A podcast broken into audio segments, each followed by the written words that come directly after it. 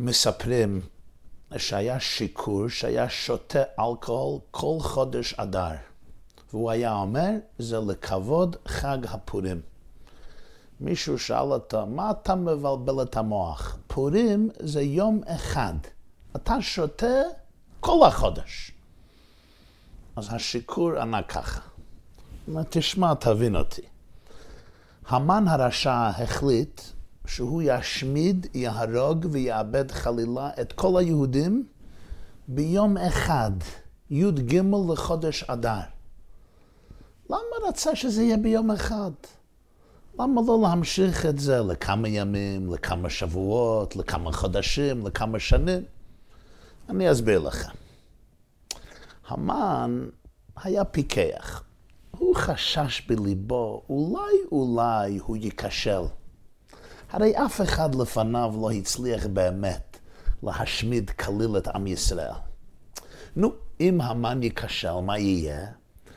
היום הזה שבו רצה להרוג את היהודים, הרי יהפך לחג גדול, לשמחה גדולה. המן הרשע לא פרגן לנו לחגוג יותר מיום אחד. אז הוא החליט, אנחנו עושים את ההשמדה ביום אחד כך, שאפילו במקרה הכי גרוע והעם הזה ינצל והופכים את זה לחג, יהיה חג יום אחד. אומר השיכור, הוא אומר, וכי בגלל שהמן הרשע המרושע הזה לא פרגן לנו לחגוג יותר מיום אחד. אני צריך לסבול, לכן אני שותה כל החודש. באמת, יש הלכה ביהדות שלכאורה היא מאוד מוזרה ומאוד מאוד לא מובן ותמוה. זה מתחיל בתלמוד במסכת מגילה, דף ז עמוד ב'. עומר רובה, רובה, אחד מגדולי התלמוד שחי בבבל, עיראק היום, אומר, מחייב איניש לבסומי בפוריה עד דלא ידע בין ארור המן לברוך מרדכי. פירוש הדברים, כשמגיע חג הפורים, היהודי חייב להשתכר ביין עד שהוא לא מודע להפרש, להחילוק, בין ארור המן לברוך מרדכי. וזה לא רק מאמר של רבה בתלמוד, כך נפסקה ההלכה בשולחן ערוך היהודי. בהלכות מגילה, הלכות פורים, אורח חיים, סימן תרצ"ה, חייב איניש לבסומה בפוריה עד לא ידע בין ארור המן לברוך מרדכי. ופה נשאלת השאלה הגדולה והעצומה והפשוטה. אני לא מבין. הרי כל החגיגה של פורים, היא בגלל המפלה, האבדה, הארור המן. הרי אם לא היה ארור המן, אם החיים של המן לא היה נקטע, אם הגזירה שלו לא הייתה מתבטלת, הרי אין שום סיבה לחג הפורים. אז איך ייתכן שחכמינו, זכרם לברכה, אומרים, שבגלל שזה פורים, ואנחנו צריכים לשמוח בפורים. על מה שמחים, על מה שמחים בפורים? על זה שמרדכי והעם היהודי ניצל, והמן נתלה, ובניו של המן נתלו, וכל השונאי ישראל האנטישמים שרצו לעשות טבח חלילה בעם היהודי, קיבלו מפלה גדולה. לכן שותים, לכן אוכלים, לכן חוגגים, לכן סועדים. אומרים חכמינו ז"ל שבפוריה, בפורים, צריכים לחגוג במידה כזו שאני כבר לא יודע חילוק בין ארור המן לברוך מרדכי. אם אני לא יודע את החילוק, הרי בטלה כל הסיבה. הרי ביטלת כל הנימוק, כל התשתית, כל היסוד לחגיגת פורים.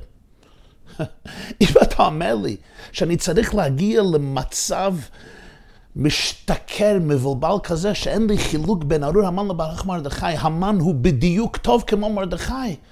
אז אין סיבה לחג של פורים. פורים זה צריך להיות יום אפור, יום משומם.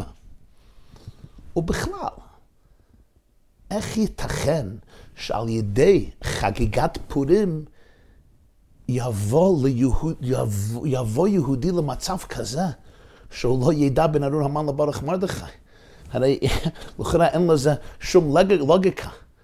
אני יושב ומתחיל לשתות, ומתחיל לשמוח, ומתחיל לסעוד בפורים, בגלל שארור המן, אז מהחגיגה הזו, מה התוצאה? שאני כבר לא יודע מה זה ארור המן או ברוך מרדכי. ובכלל שאלה כללית יותר, מה התועלת? ולמה זה חיוב, חייב איניש, שבן אדם אמור לשכוח בפורים שהמן הרשע הוא ארור? האם זה באמת מה שאנחנו רוצים מעצמנו, מהילדים שלנו?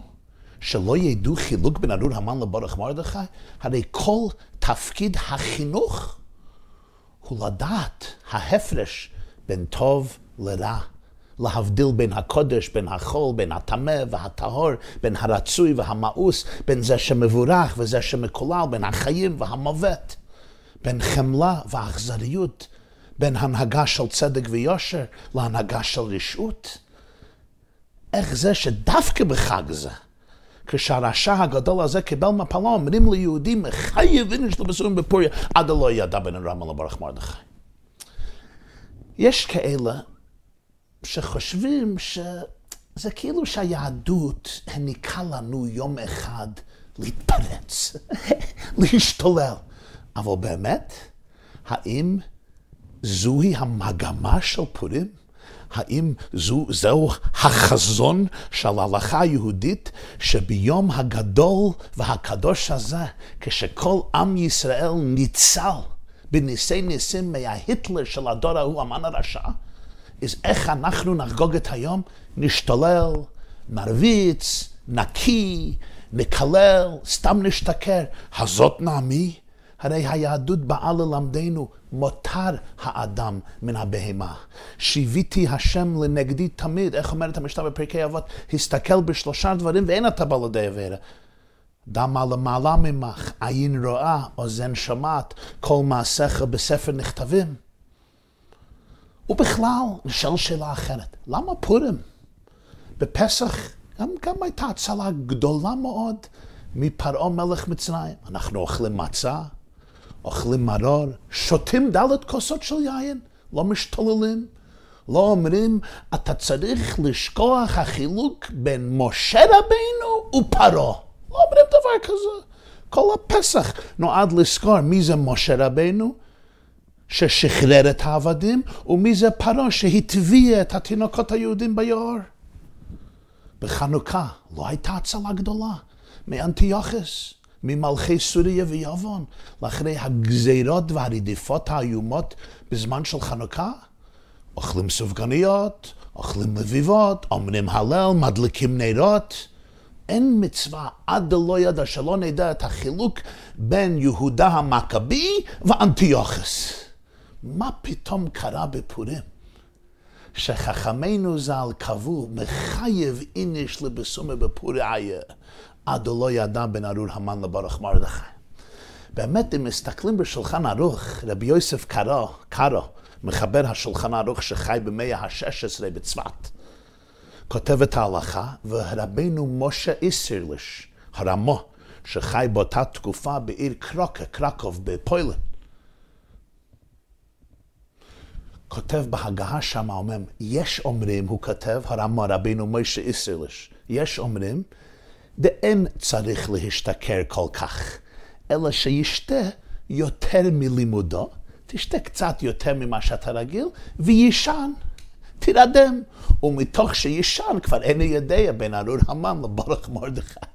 כשאני באמצע שינה אני כבר לא יודע החילוק. והוא מוסיף, ואחד המרבה ואחד הממעיט, ובלבד שיכוון ליבו לשמיים. יפה מאוד, הרמה אומר לנו, אתה לא צריך לקח את זה בפשיטות, זה הבנה שתשתה קצת יותר ותירדם. אבל פה נשאל את השאלה, אז למה החז"ל בחרו לבטא את ההלכה הזו באופן לכאורה מוזר כזה, שאדם צריך להתבלבל ולא לדעת בין ארור המן לברך מרדכי? תמיהה עוד יותר גדולה, כשפותחים ספר הזוהר, יש חלק בזוהר שנקרא תיקוני זוהר. אז הוא כותב שפורים, חג הפורים, השם פורים, נקרא על שם יום הכיפורים. יום הכיפורים זה כיפורים, כיפורים. לכאורה אני שואל אתכם, מה הם שני הימים בלוח היהודי שהם הכי רחוקים מזה אחד משני מן הקצה לקצה? אין ימים שהם כל כך שונים במגבתם, בהצורה שלהם, בהנהגה שלהם, כמו יום הכיפורים לעומת פורים. יום הכיפורים, יום כיפור, יום הכי רציני. שקט, מטענים, אין אכילה, אין שתייה, אין שיחה, אין מחיצה. יושבים כל היום בבית הכנסת, מתפללים, מתחננים, עושים תשובה. פורים, יום לכאורה הכי לא רציני, אבל הזוהר לא מסתכל על זה ככה. הזוהר אומר, להפך. פורים נקרא על שם יום הכיפורים, וכפי שמדייקים חכמי החסידות, יום הכיפורים, כלומר, שבבחינה מסוימת פורים הוא אפילו נעלה ומקודש יותר מיום הכיפורים. לכן יום הכיפורים זה כיפורים, זה כמו פורים. מדמים יום הכיפורים לפורים. מה קורה פה?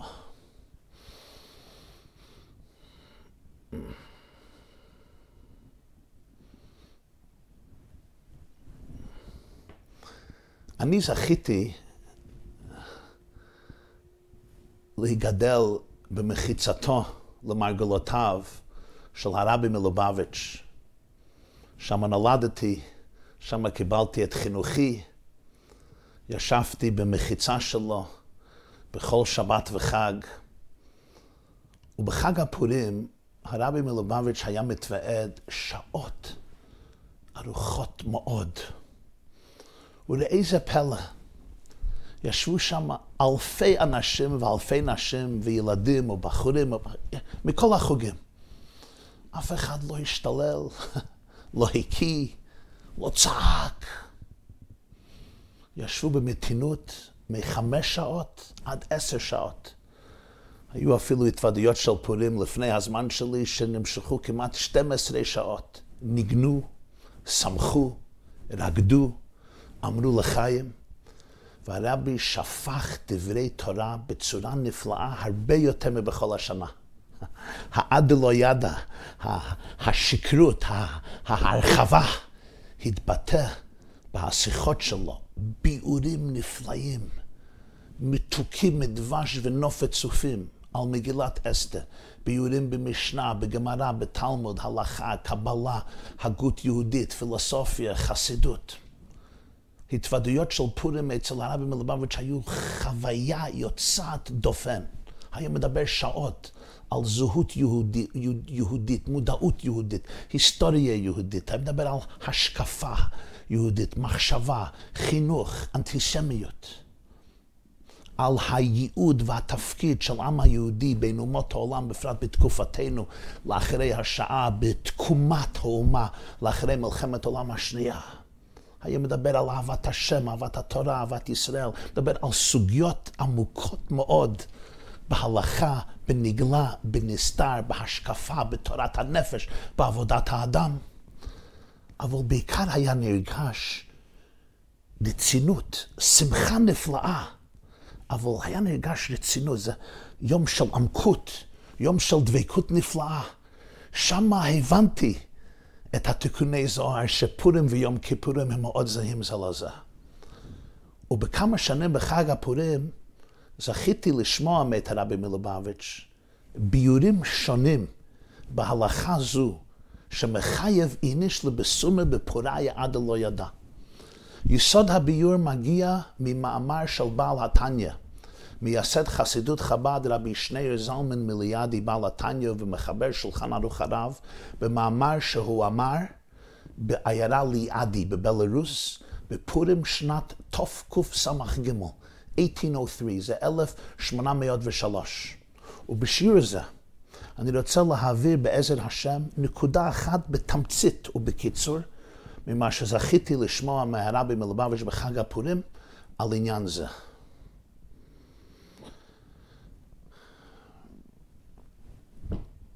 וביאור הדברים ככה. כשרובע אומר, מחייב אינש לבסומי בפוריה. עד לא יודע בין ארור המן לבורך מרדכי פירש בלתניה. יש בזה משמעות הרבה עמוקה יותר. שבפורים היהודי מוזמן להגיע למצב נפשי ולבבי ופנימי שלא ידע בין ארור המן לברוך מרדכי. כלומר, שהחילוק אצלו או אצלה בין ארור המן לברוך מרדכי לא נובע מידיעה, לא נובע מהכרה והשגה אינטלקטואלית, אלא ממקום אחר לגמרי. כלומר, זה לא שבפורים הוא לא יודע החילוק ביניהם. אם אין חילוק ביניהם, אז ביטלת כל חג הפורים. אלא פירוש הדברים ככה, מחייב איניש לבסומה בפוריה, עד דלא יודע, עד שמגיע למצב שלא ידע החילוק בין ארור והמן. לא כי אין חילוק, אלא כי ההבדל ביניהם לא נובע רק מידיעה, מדעת, מהשגה. בסגנון אחר, הגמרא אומרת במסכת חולין, דף קל"ט, המן מן התורה מניין. מה המקור להמן בתורה בחומש? התשובה, בפרשת בראשית, השם אלוקים אומר לאדם, המין העץ הזה אשר ציוויתיך לבלתי אכול ממנו, אכלת? המין זה אותיות המן. מה קשר הדברים? המן קשור עם עץ הדת, העץ של ידיעה. בפורים אומרים, משתחררים מהמן. מחייב איניש לבסום ובפראי עד לא ידע. הוא מתעלה מעץ הדת, מהמין העץ הזה שציווי שכל לבלתי יכול ממנו אכלת. אבל מה, מה ההסבר הדברים? בואו נקדים שאלה אחרת. אם היינו קובעים ועידה לקבוע איזה שם הכי מתאים לחג הזה. היה הומן, היה איזה היטלר באיראן, ששכנע את מלך איראן, מלך פורס, אחשוורש, להשמיד, להרוג ולאבד את כל היהודים חלילה. הוא כמעט שהצליח. המזימה כמעט הצליח. ברגע האחרון אסתר המלכה הכשילה את זה והיהודים ניצלו. עכשיו אני מבקש מכם לבוא לוועידה הזו ולבחור שם אתם. איזה שם אתם הייתם בוחרים לחג הזה? לחנוכה? בחרו חנוכה. למה? חנוכת בית המקדש. החשמונאים שחררו את בית המקדש בירושלים מידי היוונים, וחינכו וחגגו את חנוכת הבית החדש, לאחרי שניקו את זה מכל הפסלים ומכל הצלמים ומכל הזבל ומכל הטומאה והלכלוך וכולי. איזה שם מתאים לחג הזה? תחשבו לרגע. יש מסתמה כמה ברירות. אבל פורים? למה זה נקרא פורים? אומרת המגילה, פורים זה על שם הפור, הוא הגורל. פור בלשון פרסי, בפרסית זה גורל. המן הרשע הטיל גורל, באיזה יום הכי מתאים לעשות את ההשמדה. והגורל נפל לחודש אדר, ליום שלושה עשר בחודש אדר. כיוון שהוא עשה גורל, וגורל בפרסית זה פור, לכן אנחנו קוראים לזה פורים. אני שואל, מה לזה ולמהות החג? ואם המן החליט לעשות את הטבח ביום הולדת של סבתא שלו, מה אכפת לי? אני צריך עכשיו להיכנס למוח של המן, הוא החליט לעשות גורל וזה נעשה שם החג, למה לא לקבוע שם החג על מהות ההצלה, על נס הגדול שכל עם היהודי מנער ועד זקן טב ונשים ניצלו. הביור בכל זה לוקח אותנו להגזירה שאחשוורוש עשה תחת השפעת המן. בהשקפה ראשונה, כל הגזירה לכאורה, הרי אין לה היגיון שכלי. מה קורה? אם קוראים את מגילת אסתר פרק ג' כתוב, אחר הדברים האלה גידל המלך אחשורוש את המן בן המדתה הגגי, וינשאו וישם את כיסו מעל כל השרים אשר איתו. והמלך מצווה שכל עבדי המלך קוראים ומשתחווים להמן. ומרדכי לא יכרע ולא ישתחווה. המן רואה שמרדכי לא קורא משתחווה לו, וימלא המן חימה. ויבז בעיניו לשלוח יד במרדכי לבדו. למה? כי הגידו לו את עם מרדכי. ולכן ויבקש המן להשמיד, את כל היהודים אשר בכל מלכות אחשוורוש, כי הם כולם עם מרדכי. והמגילה ממשיכה לספר, המן מגיע למלך אחשוורוש, אומר לו, ישנו עם אחד, מפוזר ומפורד בין העמים, אבל דתיהם שונות, הם לא עושים את הד... את ה... הם לא מצייתים לחוקים שלך, למלך אין שווה להניחם. הוא משכנע המלך אחשוורוש להשמיד, להרוג ולאבד את כל היהודים מנער ועד זקן, טף ונשים ביום אחד, בשלושה עשר לחודש שנים עשר, הוא חודש אדר, ושללם לבוס. לכאורה המפרשים כבר הקשו את זה. תהרוג את מרדכי. מרדכי לא קורא לך, מרדכי לא משתחווה לך. ויבז בעיניו לשלוח יד במרדכי לבדו. למה? כי הגידו לו את עם מרדכי. מה הקשר? תחסל את מרדכי. תהרוג את חברי מרדכי. מרדכי היה בסנהדרין, הוא היה ראש הסנהדרין. הסנהדרין, הבית דין הגדול של עם היהודי בתקופה ההיא. תהרוג חברי הסנהדרין? לא. הוא החליט שצריכים להשמיד את כל היהודים. למה? כי הגידו לו את עם מרדכי. מה הגידו לו? מה הגידו לו על עם מרדכי? הביאור זכינו לשמוע מאת הרבי מלובביץ' שהוא הסביר ככה. המן רצה לדעת מאיפה נובע העקשנות הזו של מרדכי, שהוא לא יכרע ולא ישתחווה. מאיפה יצא, נוצ, נוצר ה conviction, המסירות הזאת, הזאתי, האמונה החקוקה הזאתי? האם זה פשוט מגיע מצד האינטליגנציה של מרדכי? הוא לא מוכן להכניע את עצמו להמן הזה.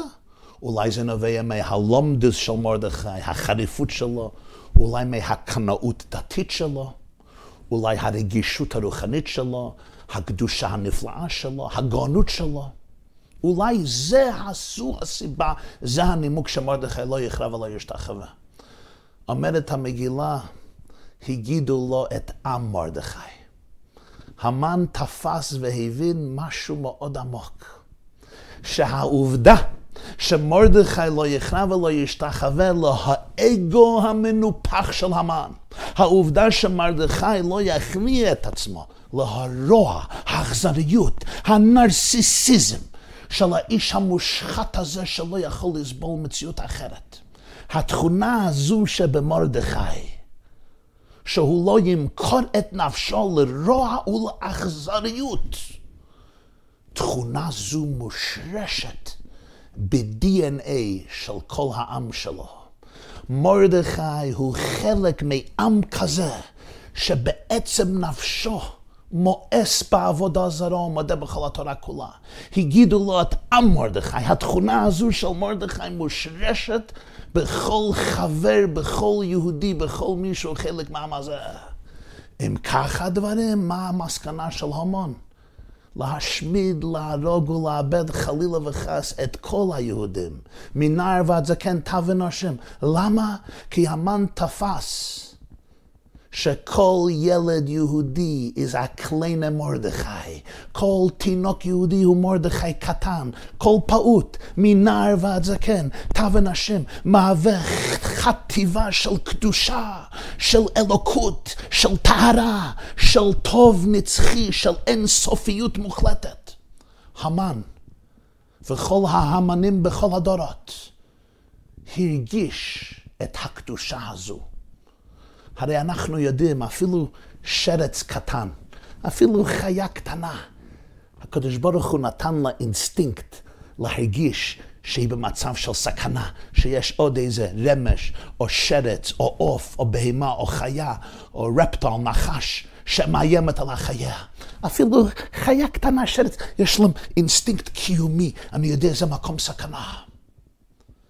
להמן גם היה אינסטינקט כזה. הרוע מרגיש שהוא נמצא באיום, הטוב מאיים עליו. הוא מרגיש בהסכנה של הטוב. הטומאה מרגישה את הטהרה, האכזריות מרגישה הסכנה מהחמלה בעולם. המון, המון, וכל ההמונים מרגישים אותה שנאה תהומית למרדכי הצדיק ולילד יהודי תמים, ולא יעשו הבחנה ביניהם. למה? ראינו זה לדאבוננו למגינת ליבנו. בהמן של דור הקודם, אדולף היטלר, יימח שמו וזכרו. היו יהודים שטענו, צעקו, אני לא יהודי, אני לא מאמין בכלום, אני חילוני לגמרי, אני לא ראש ישיבה, אני לא רב, אני לא אדמו"ר, אני לא צדיק, אני לא דתי, אני לא איש מסורה, אני לא חלק מהמסורה, אני בולשביק, אני קומוניסט, אני בונדיסט, אני יידישיסט, אני כופר, אני אתאיסט.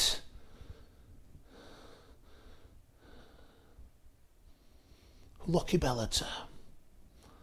אתה יהודי ומקומך בכבשנות הגז. יש תינוק ותינוקת יהודים. למי הם הזיקו? הרי אין להם הגות גדולה. אין להם איזה עולם פוליטי מפותח במוח שלהם. זה תינוק פעוט, תינוקת. מאיפה מגיעה השמחה לרצוח אותם, לטבוח בהם? להמיתם במיתות אכזריות, להובילם לכבשנות הגז, השם ינקום דמם. אנחנו אומרים גזענות, אנטישמיות, שטיפת מוח, הכל נכון. אבל למה גם ליהודי שעזב את הכל, אני כבר לא מאמין, אני לא כבר לא דתי, אני לא חלק מהמסורה. הסיבה היא כי הם הרגישו משהו אמיתי. הרוע של היטלר, הרוע של המן, הרגיש הטוב, הקדושה הנצחית שיש בכל יהודי. והם הרגישו שהקדושה הזו עצמית ואי אפשר להיפטר ממנה ואי אפשר להשמיד את זה.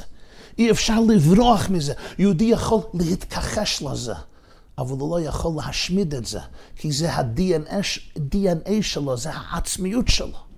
מאויבי תחכמני, אומר דוד המלך בתהילים. לפעמים אנחנו מקבלים חוכמה מהאוהבים שלנו, מאלה ששונאים אותנו, אנחנו יכולים ללמוד מי אנחנו. אתם רוצים להבין מה זה יהודי? אתם רוצים להבין מה זה עם היהודי?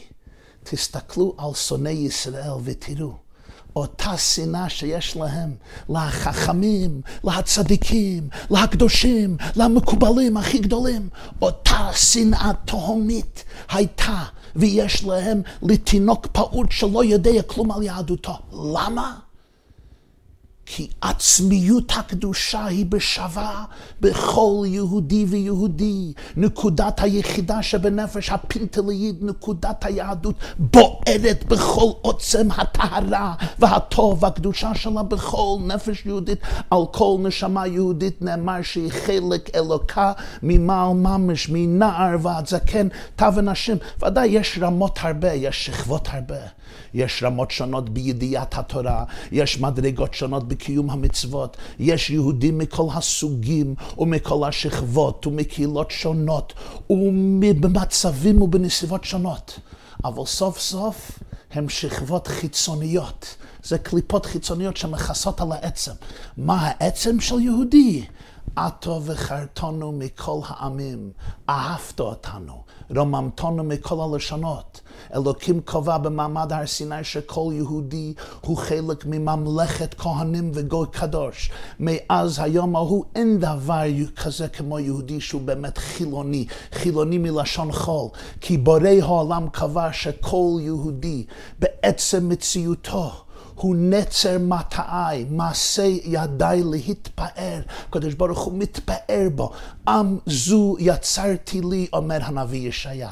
תהילתי יספרו, אתם עדיי, נאום השם. כל יהודי ויהודי מגלם בעצם מציאותה או מציאותו, נוכחות השכינה בעולמנו. וההומן וההיטלר לא יכולים לסבול את זה, כי גם בתינוק יהודי הם מרגישים עם מרדכי. הם מרגישים את האש של מרדכי, הם מרגישים את הטוב ואת הקדושה. אז אם הם הבינו את זה, אנחנו לא נבין את זה. אם הימח שמוינקים צוירי היהודים בכל דור ודור, הבינו שגם היהודי הזה, שלכאורה הוא ריק מכלום, לא מאמין בכלום. מקומו בכבשונות הגז כי ראו בו את היהדות. אנחנו לא נראה את האמת. הרי כל התכלית של רע בעולם זה רק לגלות את הצד השני. זה רק ליתן לנו האפשריות להפגין את הטוב, להגיד את האמת. כמו שאני לא יכול לשנות צבע העיניים שלי, אני לא יכול לשנות צבע הנשמה שלי. אולי אני לא מכיר את זה, אולי אני לא מודע, אולי אני לא מזדהה עם זה תמיד. אבל המציאות הכי עמוקה, הכי אותנטית, הכי פנימית של יהודי זה שהוא או היא זה התגלמות והתגלות של האין סוף של האלוקות בעולמנו זה. יהודי בעצם מציאותו מגלם קדושה נפלאה ואין סופית, וזה המן לא יכול לסבול, כי הוא מרגיש שכל זמן שתינוק יהודי קיים, הוא לא יכול להתקיים. יש מדרש מאוד מוזר ונפלא, מדרש רבה במגילת אסתר פרשה ז'. כתוב במדרש, אמר לו הקדוש ברוך הוא לאמן הרשע, שוטה שבעולם. אני אמרתי להשמידם כביכול, אבל לא יכולתי. כמו שכתוב בתהילים בפרק ק"ו, ויאמר להשמידם לולי משה בחירו עמד בפרץ לפניו להשיב חמתו מהשחית. ואתה אמרת להשמיד, להרוג ולאבד? אני שואל אתכם, מוריי ורבותיי, הקדוש ברוך הוא אומר, אני אמרתי להשמידם כביכול ולא יכולתי? אלוקים לא יכול להשמידם, הוא ברא אותם. פירש הרבי מלובביץ' בהתוועדות של פורים ככה, אלוקים אומר להמן, אני לא יכולתי להשמיד את, את הרוחניות של יהודי, את האלוקות של יהודי. יהודי הוא נצר מטעי מעשה ידי להספאר.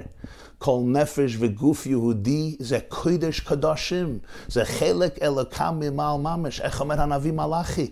אני השם לא שניתי, ואתם בני יעקב לא חיליתם. לא יכול, אני לא יכול להשמיד את הקדושה של יהודי, זה המציאות שלו. במילא כבר לא יכולים להשמיד אותם פיזית, כי אף אחד לא יכול להשמיד את השכינה, אף אחד לא יכול להשמיד את אלוקים. כל תכלית הרוע זה ליתן לנו להבין ולהזדהות ולגלות מה זה טוב, להבין מה זה יהודי, מה זה עם ישראל. מה כוחו של האומה היהודית להאיר את העולם באור הטוב והקדושה, מהו סודו הגדול של האנטישמיות. שתבין מי אתה, מי את, שאנחנו נבין מי אנחנו, מה זה קדושת האומה, מה זה קדושת היחיד. שכשתסתכל על יהודי, איך אומר הבעל שם טוב, כל ישראל ערב עם זה בזה, מלשון ערב, מאכל ערב, והרב נו. שתקשוש יהודי, תרגיש את הערבות, את המתיקות. תלמד משונאי ישראל מה הם רואים ביהודי הזה, למה אני לא יכול לראות את זה. אה, עכשיו נבין קצת מהי שמחת פורים. נס ההצלה של פורים הפגינה שהקשר בין היהודי לאלוקים זה קשר עצמי, זה קשר נפשי, זה קשר פנימי. ולכן, אצל היהודי החילוק בין ארור המן וברוך מרדכי זה לא תלוי בידיעה אינטלקטואלית, זה הרבה יותר עמוק. זה חקוק בעצם הנפש שלו, להפך. בהדעת שלי יכולים להיות בלבולים, תסבוכים. אני לא תמיד יודע מי אני. יש בי טראומת, פצעים, ספקות. אבל כשאני מגיע לרמה של עד לא ידע, כשמתגלה הפנימיות שלי, ה-DNA שלי, העצמיות שלי, התת הכרה שלי, התת מודעות שלי, אז יהודי הוא אחד, יחיד, אם הוא יחד, עם השם אלוקים אמת. אה, לכן בפורים מחייב אינר שלו בסומם פורה יד לא ידע. משל למה הדבר דומה? היה שדכן, הוא הציע לשתי משפחות שבחור ובחורה יפגשו, יפגשו יחד, הוא חשב שזה שידוך טוב. נו, יצאו לפגישה, זה לא הלך כל כך טוב. הוא רצה לבטל, היא רצתה לבטל, השטחן התערב, שכנע את הבחור שהיא מקסימה, משהו לא מעולם הזה.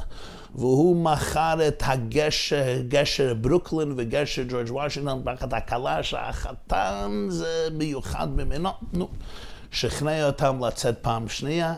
עוד הפעם זה לא עבד כל כך, השטחן עם המילים, השפת חלקות שלו, הצליח לשכנע אותם. פעם שלישית, רביעית, חמישית, המשיכו עד שסוף סוף הקשר התהדק, ובשעה טובה ומוצלחת נכנסו לשידוכים. אה, איזה יופי, הוא היה מבסוט, כולם היו שמחים.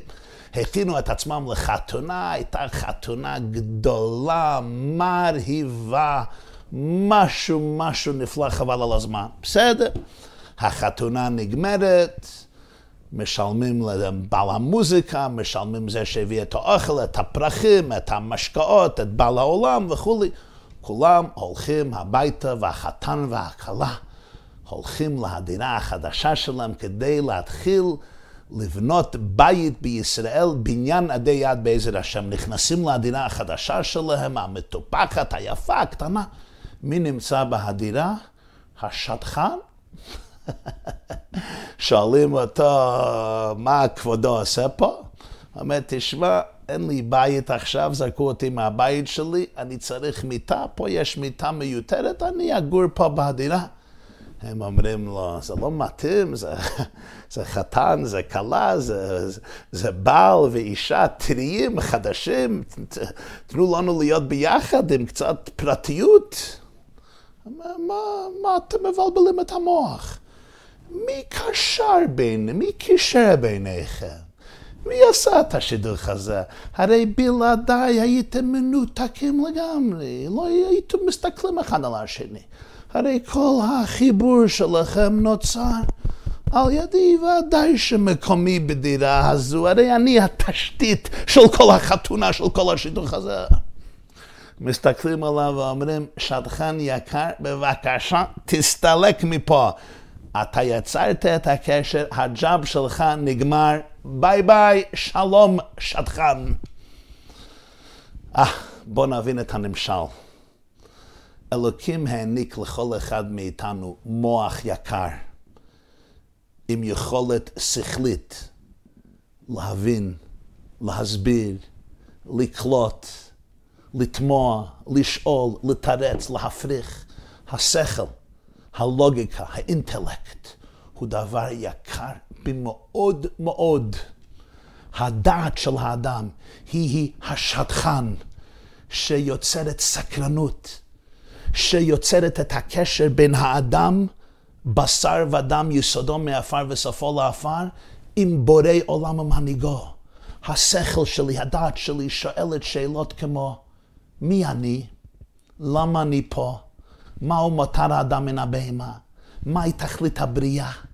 מהי המשמעות של חיי יום-יומים שלי? מאיפה, מאין באת? לאן אתה הולך? מי יצר את כל ה... את כל התבל הנפלא הזה? מי יצר לפתע הביג ביג בנג? איך התפתח תא הראשון? למה הפה יודע תמיד להיווצר על הפנים ולא על הרגל?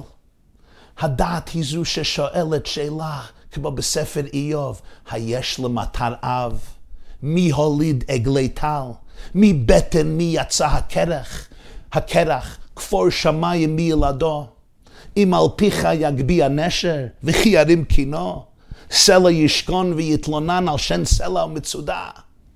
זה תפקיד השכל, זה תפקיד האינטלקט. להיות כמו השטחן, ליצור קשר בין האדם והאמת, בין האדם והאלוקים. להגביה אותנו, לרומם אותנו, להכניס בנו סקרנות, רצון להבין מה זה החיים? מה זה חיים של משמעות? איך אני חי חיים של משמעות? מהו פנימיות האדם? מה קורה בתוכי? למה יש לי תשוקה למשהו נעלה ונפלא? זה תפקיד הנפלא של השכל, של השכל, של הדת, לשאול שאלות כאלה, that will challenge me, איך אומרים. שיאתגרו אותי לצאת מהבועות שלי, מהנוחיות שלי, ולשאול שאלות טובות בחיים, לא הוליכני על הדרך העולה בית כל. השדכן הוא יהודי חשוב במאוד מאוד, ואנחנו מעריכים אותו, ומכירים לו, ומשלמים לו. אבל מגיע יום אחד בשנה, יום הפורים שהוא כמו יום הכיפורים, ואז אומרים להשדכן, אומרים להשכל, תן לי יום אחד חופש. יום אחד תן לחתן והכלה להיות יחד, בדבקות נפלאה. אני לדוידי ודוידי לי. אומרים להשדכן, מחר תחזור, אומרים להשכל, מחר תחזור, אבל יום אחד אין הפרעות, אין מחיצות. יש רק דבקות נפלאה. ישראל וקודשא בריחו, כולה חד ממש. זה מחייב איניש לבסומה בפוריה. עד לא ידע. בכל השנה אני קשור עם הדעת שלי, אני עבד למודעות שלי. המודעות שלי אומרת לי מי אני, מי לא אני, האם מותר לי להיות שמח, או אני צריך להיות לחוץ, מודאג, מלא פחדים, קנאה, יצרים, מידת נצחנות. אני תמיד מרגיש את המודעות שלי, אני פה, אני לא פה, אני כן פה, אני פה, זה הכל עץ הדעת. בפורים ניתן לנו הכוח לצאת מהבועות, לצאת מהמגבלות, לצאת מהנטיות שאנחנו חושבים שהן הנטיות הקבועות שכובלים אותנו באזיקים. תגיד יום אחד גוד ביי להשטחן, ביי ביי. עד לא יודע. עכשיו, ההפרש בין אור הרמון לבורך הוא זה לא רק תפקיד של שטחן של ידע. עצם הנפש מתגלה. עם מרדכי, זה שהמן רצה להשמיד כי זה סתירה לעצם מציאותו, והקדוש ברוך הוא אמר, אי אפשר להשמיד את זה. אני השם לא שניתי ואתם בני יעקב לא חיליתם. אה, עכשיו נבין את שם החג, חג הפורים. מה זה גורל? גורל פירוש דבר שאין לו שכל. למה אני זכיתי בלוטו ואתה הפסדת? למה אני זכיתי בגורל ואתה לא זכית, או להפך? יש בזה לוגיקה? זה נראה מזל. קוראים לזה באנגלית, it's random, זה לא, אין לזה משמעות, אין לזה תוכן, אין בזה דעת. אין בזה דעת. הוא זכה לנצח, הוא זכה להפסיד. לכאורה אין לזה שום, שום עניין. זה העניין של גורל. גורל זה מה שנראה שזה מקרה נקרה, זה coincidence. אין לזה תוכן, אין לזה שכל, אין לזה דת. אין לזה משמעות. המן עשה גורל, הוא הטיל פור, הוא הגורל. הוא חשב במצב של גורל, כבר אין משמעות, הוא יכול להשמיד, יכול להרוג, יכול לאבד את כל היהודים. מה זה חג הפורים? חג הפורים זה נקבע ממש בגלל השם הזה פורים.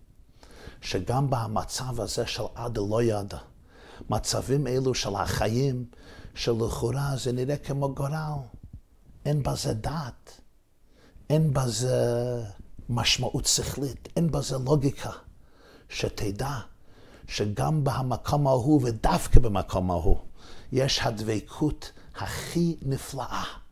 כי בחיינו יש הדעת, יש המודעות שלי. אבל מה הגורל מסמל? הגורל מסמל הנקודות האלו בחיים שלי, שהן לכאורה לא לפי הדת. חג הפורים זה החג של עד לא ידע, זה החג של הגורל. שהדבקות בין יהודי לבוראו, הדבקות בין יהודי והטוב שלו, והקדושה שלו, והטהרה שלו, והבריאות הנפשית שלו, והשלמות שלו, זה לא רק דבר שנובע מהכרה וידיעה אינטלקטואלית. זה דבר שדבוק בעצם נפשו ממש, וזה מה שהגורל מסמל, שזה לא למטה מן הדת, זה למעלה מהדת. יש הגורל של הומון שזה למטה מן הדת. יש הגורל של עם ישראל שזה עד לא יודע שזה למעלה מן הדת.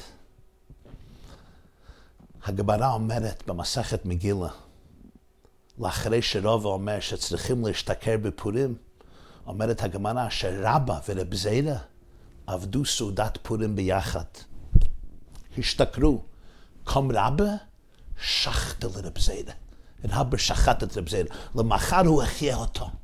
סיפור מוזר, מוזר במאוד מאוד, כבר דיברו על זה הרבה.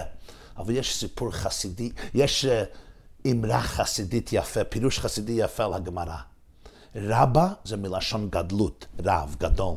רב זיירה, זיירה, מלשון קטנות, זר, זער. בפורים חום רבא שחטה לרב זיירה. בכל אחד מאיתנו יש רבא ויש רב זיירה. יש הגדלות שלי ויש הקטנות שלי. יש התדמות שלי לעצמי, שאני רואה את הגדלות שלי, ויש לפעמים אני רק רואה הקטנות שלי. בפורים, קום רב שחטה לרב זיירה. תן לה הגדלות שלך לשחוט את הקטנות שלך. תגיד את האמת, אתה לא קטן, אתה גדול, אתה לא זער, אתה לא זעירה, אתה לא קטנשיק, אתה לא מנותק, אתה לא מרוחק, אתה גדול. אתה אינסוף, אתה חלק אלוקה ממעל ממש. קום רבי שכת לרבזירה, זהו העד דלא ידה בין אור הומן לבורך מרדכי. כשהעצם האלוקי מתגלה בעולם, בכל תוקפו ובכל הדרו, חג פורים שמח עד דלא ידה.